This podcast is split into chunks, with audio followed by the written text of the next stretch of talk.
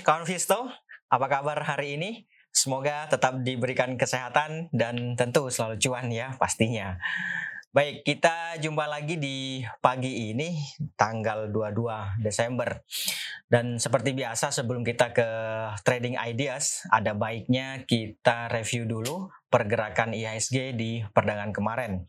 Gimana sih uh, IHSG-nya? Ya, kalau kita lihat uh, perdagangan kemarin, indeksnya mampu di YouTube menguat tipis, yaitu hanya sebesar 7 poin, berada di level 6554. Tahu kalau secara persentase menguat sebanyak 0,11 persen. Ini tipis banget tipis banget.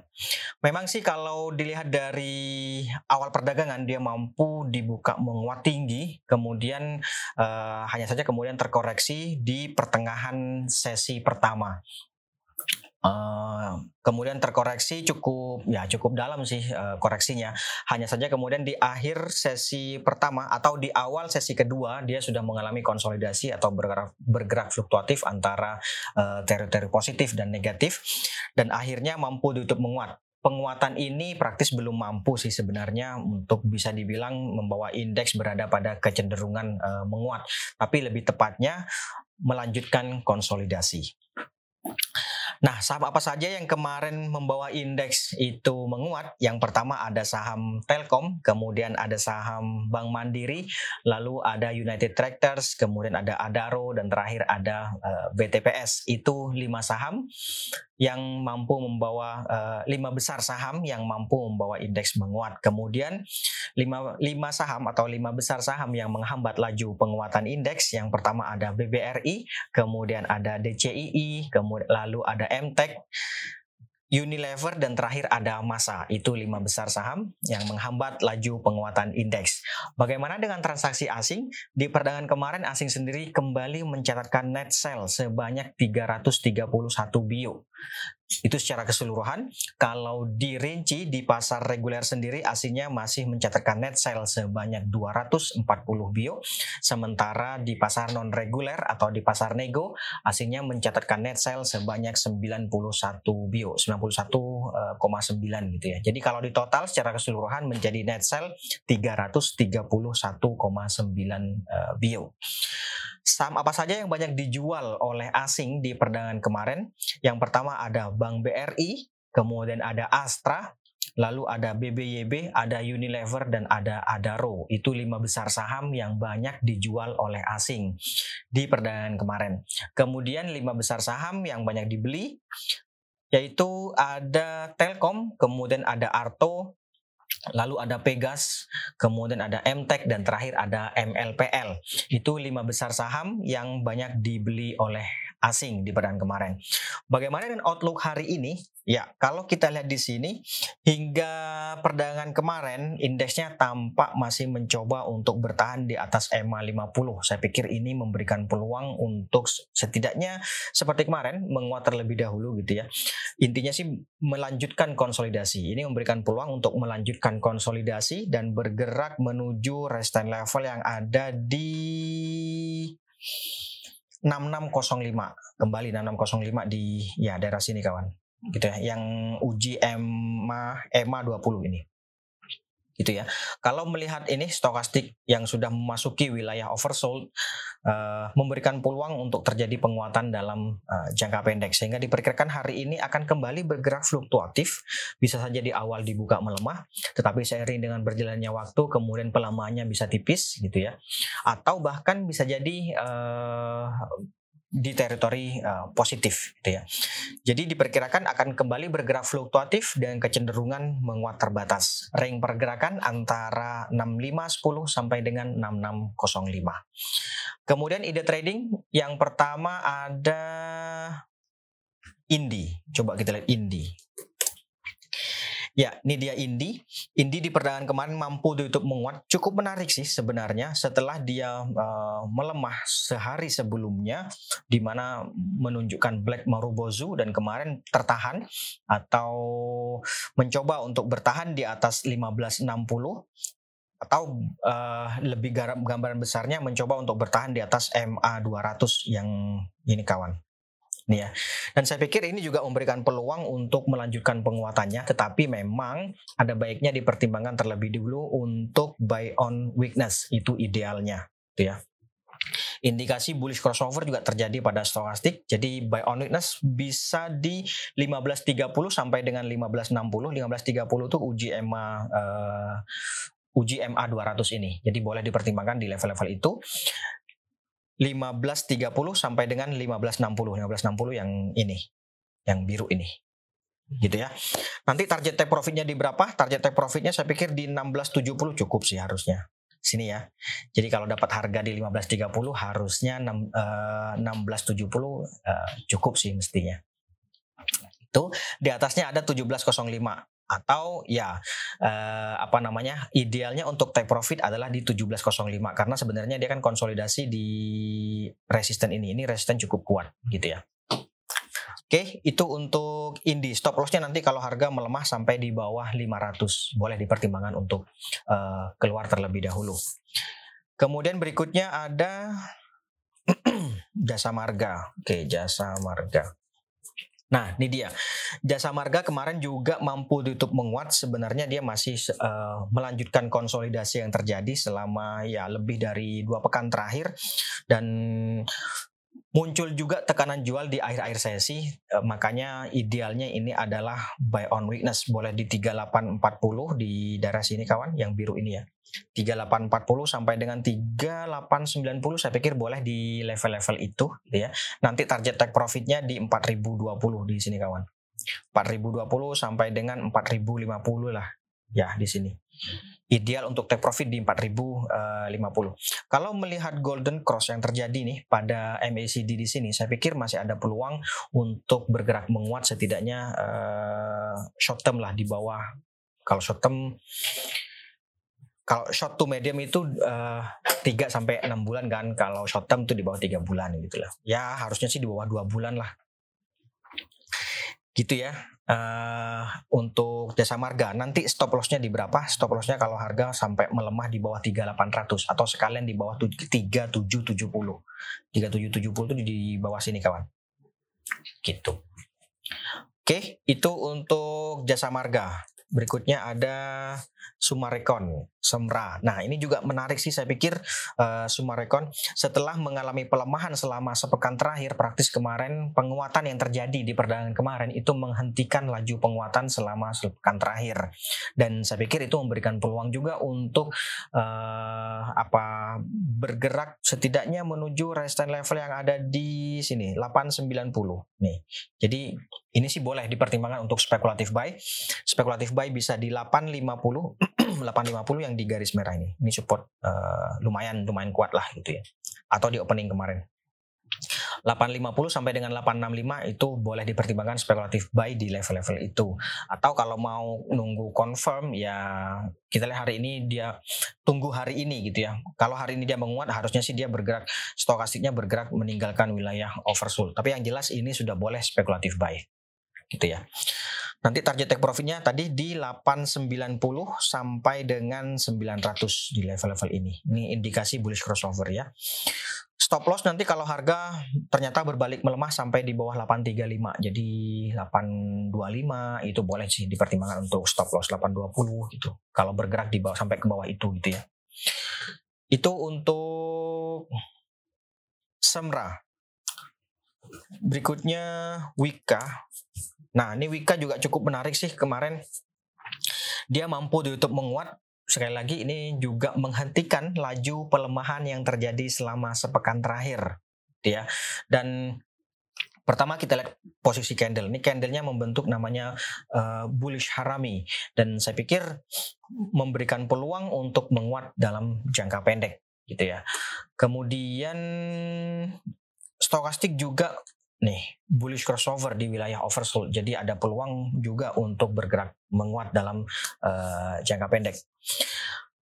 Boleh dipertimbangkan ini spekulatif buy. Boleh juga di 1060 sampai dengan 1080 saya pikir uh, boleh atau 1060 sampai dengan 1080 gitu ya. Saya biasanya sih 1060 sampai 1080 gitu sih ya. Target take profitnya di 1125 di sini kawan. 1125 sampai dengan 1140. Boleh dipertimbangkan untuk take profit di eh, level-level uh, itu. Kalau ternyata harga berbalik melemah sampai di bawah 1030, saya pikir bisa dipertimbangkan untuk uh, keluar atau uh, stop loss ya di bawah 1080. Oke, itu kemudian ada lagi multipolar. Ya, multipolar kemarin mampu ditutup eh, menguat dan sempat juga kan uji 414 hanya saja belum mampu untuk melewatinya. Saya pikir ini bisa juga sih trading buy. Trading buy boleh juga atau kalau mau karena kan ini muncul tekanan jual sebenarnya di ya akhir-akhir sesi lah tekanan jual sedikit gitu ya. Jadi bisa juga sih uh, buy on weakness boleh dipertimbangkan di 390. Idealnya di 380, 380 sampai 380 eh 390 itu kalau mau buy on weakness. Tapi trading buy sih juga oke, okay. boleh saja trading buy. Kalau mau trading buy nanti target take profitnya di berapa? Saya pikir target take profitnya bisa 420 ya. 420 di atasnya ada 440. Itu resistance level terdekatnya. Jadi 420 kemudian 440 gitu. Barangkali kemarin ada yang sudah ikutan, boleh juga dipertimbangkan. Misalnya nih kemarin ikutan di harga 400 gitu ya, atau bahkan di bawah 400, boleh juga dipertimbangkan untuk take profit di 420. Oke, itu untuk multipolar. Lanjut kita SWOT. Oke, ini dia SWOT. Kita bicara tren dulu, trennya up. Berarti ini uh, menarik, cukup menarik gitu ya. Ini dia trennya. Atau sebentar. Iya, saya ambil ini aja. Sama satu lagi. Nah, kalau melihat dari ini semua, Pertama dari uh, kita tinjau dari pergerakan harga di perdagangan kemarin ya. Kemarin kan mencoba tampaknya untuk melanjutkan konsolidasi dan uji resist yang ada di sini. Ini berapa ini? 190. Jadi boleh dipertimbangkan untuk buy on breakout di atas 190. Nanti target take profitnya di berapa? Kalau dapat harga di atas 190 saya pikir 204 level psikologis 200 uh, eh, tentu itu adalah uh, apa namanya uh, resisten level terdekat. Di atasnya itu ada 204 terdekat, kemudian ada 220. Sini kawan. Nah, boleh sih dipertimbangkan untuk uh, take profit di level-level itu. Jadi idealnya adalah ini buy on breakout di atas 190 itu ya. Di atas 190 ini. Nah, kalau dapat harga di 192 atau 94 gitu mungkin bisa dipertimbangkan uh, take profitnya nanti di 204 gitu. 200 atau 204 gitu. Di atasnya ada 220. Cukup menarik sih. Cukup menarik ini. Uh, trading buy juga boleh trading buy karena dia kan sebenarnya uh, masih baru saja bergerak di atas uh, mencoba untuk bertahan di atas uptrend line. Cukup menarik. Oke, itu SWOT. Kemudian ada lagi BGTG. Nah, ini dia BGTG. Kalau melihat eh, apa namanya pergerakan harga selama beberapa hari terakhir tampaknya masih ada potensi untuk mengalami koreksi jangka pendek. Jadi idealnya ini adalah buy on weakness, gitu ya. Coba kita lihat bagaimana uh, mudah-mudahan sih kelihatan ya. Ini dia uh, gambaran besarnya. Jadi setelah dia gagal melewati acquisition channel di sini yaitu di 376 dia akan mengalami koreksi ini. Saya khawatirnya ya secara keilmuan gitu ya, secara teori maka dia akan berpotensi untuk menuju uh, ke bawah sini kan gitu kan ya. Nah, meskipun dia sebenarnya masih uptrend. Kalau uh, coba saya kasih weekly-nya. Nah, ini dia. Ini weekly-nya. Jadi sebenarnya kan harga sudah mencapai resistance level acquisition channel dan secara teori dia harusnya sih berpotensi mengalami koreksi uh, kembali uji support level acquisition channel. Jadi idealnya menurut saya ini adalah take profit. Tapi bagi yang tertarik untuk main jangka pendek saya pikir boleh juga dipertimbangkan di sini kawan buy on nya yaitu di 290 itu idealnya dia 290 kalau hari ini ternyata dia menguat sampai setidaknya di atas 330 setidaknya di atas 330 saya pikir boleh sih ikutan uh, spekulatif buy uh, nanti targetnya atau take profitnya bisa di 342 sampai dengan 350 gitu. Jadi sekali lagi ini idealnya adalah bagi yang sudah punya uh, boleh dipertimbangkan untuk take profit gitu ya. Atau kalau mau buy witness ya idealnya tentu di 290 di level-level ini. Tapi kalau misalnya hari ini dia bergerak menguat sampai di atas 330 ya sampai di atas 330 boleh juga uh, ikutan spekulatif buy atau trading buy nanti pasang jualnya di 342 atau 350 gitu ya oke itu untuk uh, eh, BGTG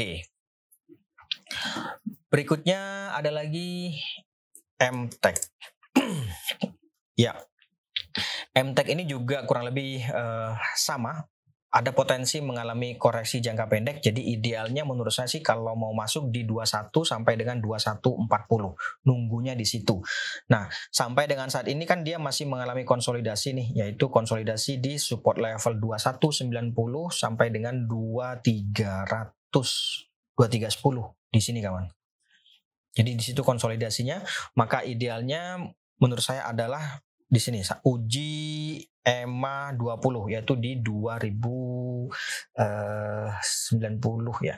Jadi gini, support terdekatnya itu kan di sini nih 2190. Berikutnya di bawahnya ada 2140, lalu ada 2090 atau 2100 lah gitu ya. Betty 2100 lah kita anggap 2100 jadi 2100 2140 kemudian uh, 2190 support levelnya di level-level itu. Idealnya menurut saya buy on witness di level-level itu. Kalau hari ini dia bergerak menguat sampai di atas ini 2310 uh, bisa sih ikutan ikutan apa namanya uh, spekulatif buy gitu ya. Itu untuk MTEK. Ada lagi dinar, dinar. Nah, ini dinar uh, sebagaimana kemarin saya sampaikan ya, kalau nggak salah kemarin ya, dia kemarin uh, sudah mengalami penguatan dan juga uji resist yang ada di 356 maka idealnya tentu adalah buy on breakout di atas 356 itu kan ya. Bagi yang kemarin sudah ikutan take profitnya 356 gitu kan. Nah uh, kalau baru mau masuk saran saya tadi buy on breakout di atas 356 nanti take profitnya di sini di 374 sampai dengan 380. Apakah masih ada peluang untuk menguat? Iya. Saya pikir sih masih ada peluang untuk melanjutkan penguatannya. Idealnya tentu buy on breakout tapi boleh saja ini trading buy. Saya pikir boleh sih ini trading buy. Trading buy ya sama sih uh, nanti target take profitnya ada di 370. Setidaknya paling dekatnya sih itu 388. Paling tidak uh, sebentar. Sorry, 362. 362. Jadi kalau trading buy, kalau trading buy kan berarti boleh di 344 sampai dengan 348. Kemudian take profitnya di berapa? Take profitnya saya pikir uh, boleh di 356 paling dekat atau 362. Itu cukup sih. Harusnya cukup. 362. Di atasnya itu ada 374 lalu ya 380 400 situ. 400 tuh di sini kawan. Gini ya, di sini nih. Oke, cukup menarik ini uh, dinar. Saya pikir bisa sih uh, trading buy boleh. Ada lagi LSIP. LSIP. ya, kalau melihat pergerakan harga di perdagangan kemarin dia sempat uji support yang ada di sini ya sinilah kira-kira gitu ya. Uh, sebelas tujuh lima. Belum mampu untuk melewatinya. Dan saya pikir kemampuan harga untuk bertahan di atas level ini memberikan peluang untuk berlanjut atau memberikan peluang untuk menguat jangka pendek. Bisa juga ini buy on weakness. Kalau mau buy on weakness ya di 1175 sampai dengan 1200 di level-level itu. Kemudian target take profitnya kalau dapat harga di bawah 1200 saya pikir boleh dipertimbangkan take profit di 1225 gitu ya. 1225 ini paling dekat kawan. Di atasnya itu ada 1245. Uh, Cukup menarik ini. Ini cukup menarik. LSIP boleh juga sih uh, buy on weakness atau ya kalau mau spekulatif buy berarti di 1190 sampai dengan 1200 di level-level itu. Kalau buy on weakness ya di 1175 tadi sampai dengan 1190 atau ya 1200 lah. Boleh juga. Oke. Okay. Target take profitnya kembali tadi 1225 sampai dengan 1245. Gitu. Itu untuk uh, LSIP. Ada lagi MDKA. MDKA. Ya, MDKA di pertandingan kemarin sebenarnya masih melanjutkan konsolidasi, mencoba untuk masih mencoba untuk bergerak di atas 3800, maka idealnya bisa dipertimbangkan buy on breakout di atas 3800. Penguatan di atas itu memberikan peluang ke 3910, 3910 sampai dengan 3960 gitu ya. Jadi kalau mau buy on breakout di atas 3800 nanti take profitnya ada di 390 sampai dengan uh, 39 uh, sorry take profitnya betul 3 3910 sampai dengan 3960 tuh. Nah, kalau lebih suka buy on weakness atau buy low sell high maka idealnya menurut saya sih coba di bawah sini yaitu 3670 sampai dengan 3580 ini trennya sih masih up jadi kalaupun mau spekulatif buy atau trading buy atau buy on breakout masih boleh gitu ya. Cuman tadi pilihannya kalau lebih suka buy low sell high, maka uh, nunggunya ya di sini di 3670 atau 3580. Itu untuk uh, eh, MDKA gitu ya. Kemudian berikutnya lanjut masih banyak Telkom. Telkom Ya, kemarin Telkom memang mampu di YouTube menguat, hanya saja dia sudah uji resist yang ada di 4170. Kemarin belum mampu untuk melewatinya dan saya pikir idealnya adalah buy on breakout. Gitu ya, buy on breakout. Jadi gini, ini kan konsolidasi di atas nih, gitu kan ya. Ini kan konsolidasi di atas. Uh, kemarin uji resist di 4170. Bagi yang sebelumnya sudah punya sebenarnya sih boleh take profit di sini. Tapi kalau harga ini naik uh, kembali di atas 4170, ini boleh juga dipertimbangkan untuk uh, ikutan lagi. Gitu ya. Jadi gitu. Sekali lagi karena ini kan resist cukup kuat nih. Jadi 4170 sebenarnya boleh sih take profit. Tapi nanti kalau harga ternyata berlanjut menguat berarti kan dia mengalami bullish continuation. itu ya bullish continuation berarti uh, uh, apa namanya boleh juga dipertimbangkan untuk ikutan lagi kalau enggak hilang barang nanti itu ya 4280 resistennya. Jadi kalau dapat harga di atas 4170 saya pikir boleh dipertimbangkan take profitnya di uh, 4280 gitu. Oke, itu untuk uh, Telkom. Berikutnya ada lagi Jawa. Ya, Jawa di perdagangan kemarin juga kembali uh, mampu ditutup menguat dia. White closing Marubozu terbentuk sebagaimana sebelum-sebelumnya kalau dia mengalami penguatan uh, seperti ini, long white candle atau long white Maru, long white closing Marubozu gitu ya, lebih tepatnya. Saya pikir tentu bagi yang sudah punya kemarin boleh dipertimbangkan untuk jualan terlebih dahulu. Jualan boleh di sini di 324 gitu ya boleh dipertimbangkan untuk take profit terlebih dahulu di 324 atau di sini 330. Nah, bagi yang baru mau masuk, kita lihat hari ini apakah dia dibuka menguat kemudian turun seperti ini sebelum-sebelumnya. Ini kan dibuka menguat kemudian dia bergerak turun. Sempat naik sebentar, kemudian uh, dia mengalami uh, pelemahan menariknya ini menurut saya adalah kalau dia dibuka melemah kemudian dia bergerak naik. Artinya open sama dengan uh, low gitu ya. Kalau open kalau hari ini dia membentuk open sama dengan low saya pikir boleh coba ikutan uh, spekulatif buy atau trading buy. Nanti targetnya di sini 324 sampai dengan 330 gitu ya. Tapi kalau ternyata dia dibuka langsung menguat di sampai di sini 324 uh, eh, saya pikir untuk yang baru mau masuk mending tunggu dulu deh tunggu di setidaknya uh, tunggu di sini-sini lagi pas dia konsolidasi lagi. Gitu ya. Itu untuk uh, Jawa. Berikutnya ada ASII nah ini ASII menarik sih kalau menurut saya. ASII ini kemarin memang ditutup melemah.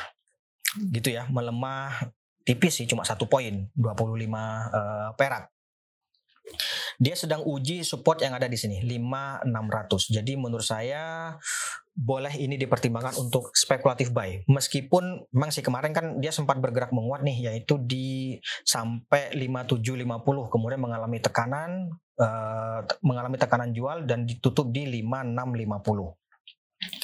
Nah, Sampai dengan saat ini yang jelas harga masih mencoba untuk bertahan di atas uptrend line dan itu memberikan peluang untuk rebound jangka pendek. Jadi boleh juga dipertimbangkan untuk spekulatif buy. Kalau mau spekulatif buy boleh di 5600 sampai dengan 560.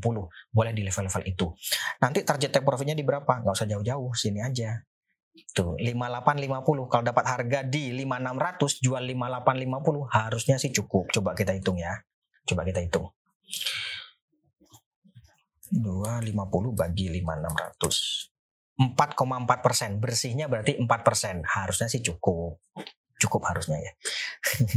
Oke, jadi 5600 sampai dengan 560 boleh dipertimbangkan spekulatif buy di level-level itu. Kalau dapat harga di 5600 bisa dipertimbangkan juga untuk take profitnya di 5850 atau ya di atasnya misalnya dapat harga 5650 naikin boleh di 5925 itu.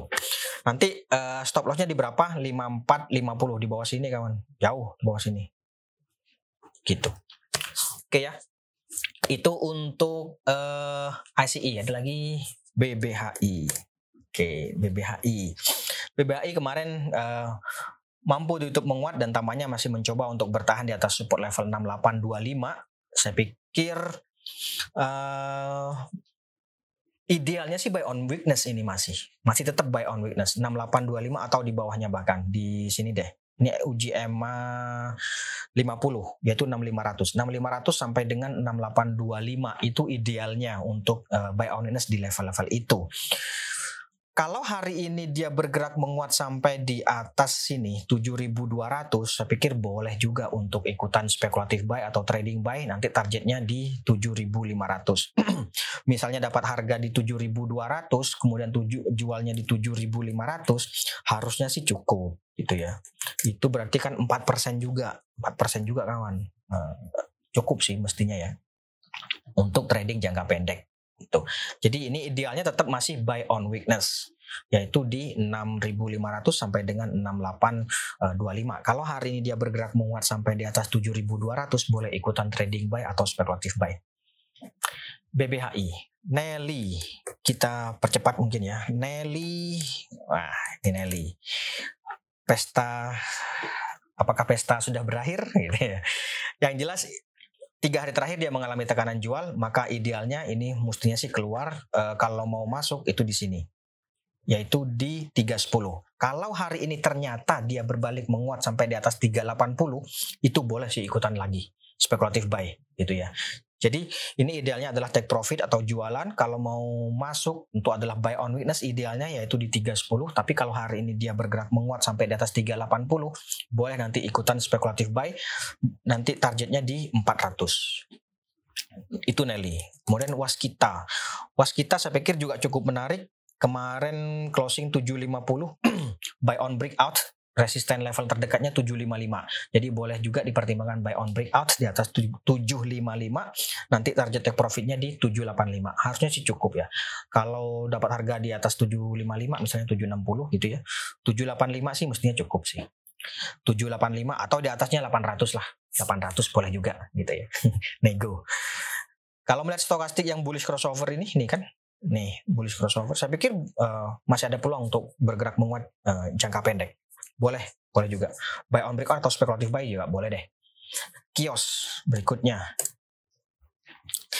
Ini tren masih melemah, tapi kemarin uh, ya bullish crossover ada potensi untuk mengalami konsolidasi uh, jangka pendek. Jadi idealnya mesti menurut saya ini mending buy on breakout di atas 575 atau setidaknya ya di atas 570. 575 deh. Boleh buy on breakout di atas 575 nanti target take profitnya di 635. Cukup sih harusnya. gitu ya.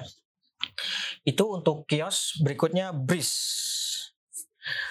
Breeze ya, Breeze uh, kemarin kembali ditutup melemah saya pikir idealnya mending buy on breakout juga di atas uh, 1810 di atas 1810 boleh dipertimbangkan untuk uh, spekulatif buy. Nanti targetnya di berapa? Targetnya di sini kawan, 1895. Yang jelas ini idealnya adalah buy on breakout. Itu ya. Oke, itu bridge terakhir TNCA. Ya, dia mengalami uh, kemarin suspend ya. Sebelumnya sudah saya sampaikan bahwa ada baiknya buy on witness tentu idealnya secara ideal kan karena dia sudah mengalami penguatan long white uh, Marubozu tentu idealnya adalah buy on witness boleh di 2500 kemudian sampai dengan 2425 itu uh, idealnya. Tapi kalau hari ini misalnya misalnya saya belum tahu apakah hari ini dibuka atau enggak tapi kalau misalnya dibuka kemudian dia dibuka melemah bergerak ke atas atau open sama dengan low boleh ikutan spekulatif buy. Nanti targetnya di berapa? Idealnya di sini kawan. 2870 Oke, itu ya. Saya pikir itu dulu untuk hari ini. Kawan Visto, terima kasih atas kehadiran dan partisipasinya. Kita jumpa lagi besok. Sekali lagi terima kasih dan selamat pagi. Salam investasiku for better tomorrow. For better tomorrow.